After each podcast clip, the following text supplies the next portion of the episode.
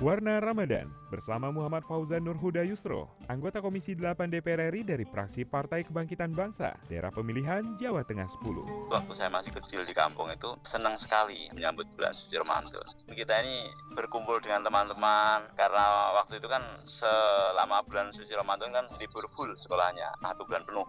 Bermain tuh mainan tradisional itu banyak sekali ada yang namanya joretan ada yang oh, banyak sekali itu tapi tidak yang menghabiskan tenaga kebetulan orang tua punya musola. Anak-anak tetangga itu banyak yang belajar ngaji kepada orang tua saya. Nah, sehingga saya ini menjadi terkesan karena temennya menjadi semakin banyak rumahnya menjadi ramai musolanya menjadi ramai rasanya itu kok bahagia terus masa kecil.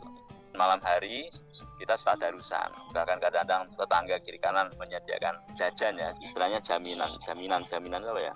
Cemilan ya kalau di kampung saya namanya jaminan gitu. setelah duhur kita disuruh tidur di musola habis asar kita jamaah terus kemudian ngaji lagi gitu diajarin untuk memperlancar bacaan Quran di bulan suci Ramadan. Saya itu terus orang kampung ya, tidak punya tradisi makanan yang mewah-mewah. sehingga kami itu makannya udah cukup telur sama tempe tahu itu udah cukup mewah itu waktu itu. Jadi yang paling banter itu ikan pindang. Ya itu favorit banget. Dikasih dengan sayur bayam ada tauge-nya kemudian dikasih kuah yang bersantan itu udah udah mewah itu. Bulan suci bulan yang sangat mulia perbanyak dengan berbagai bentuk ibadah.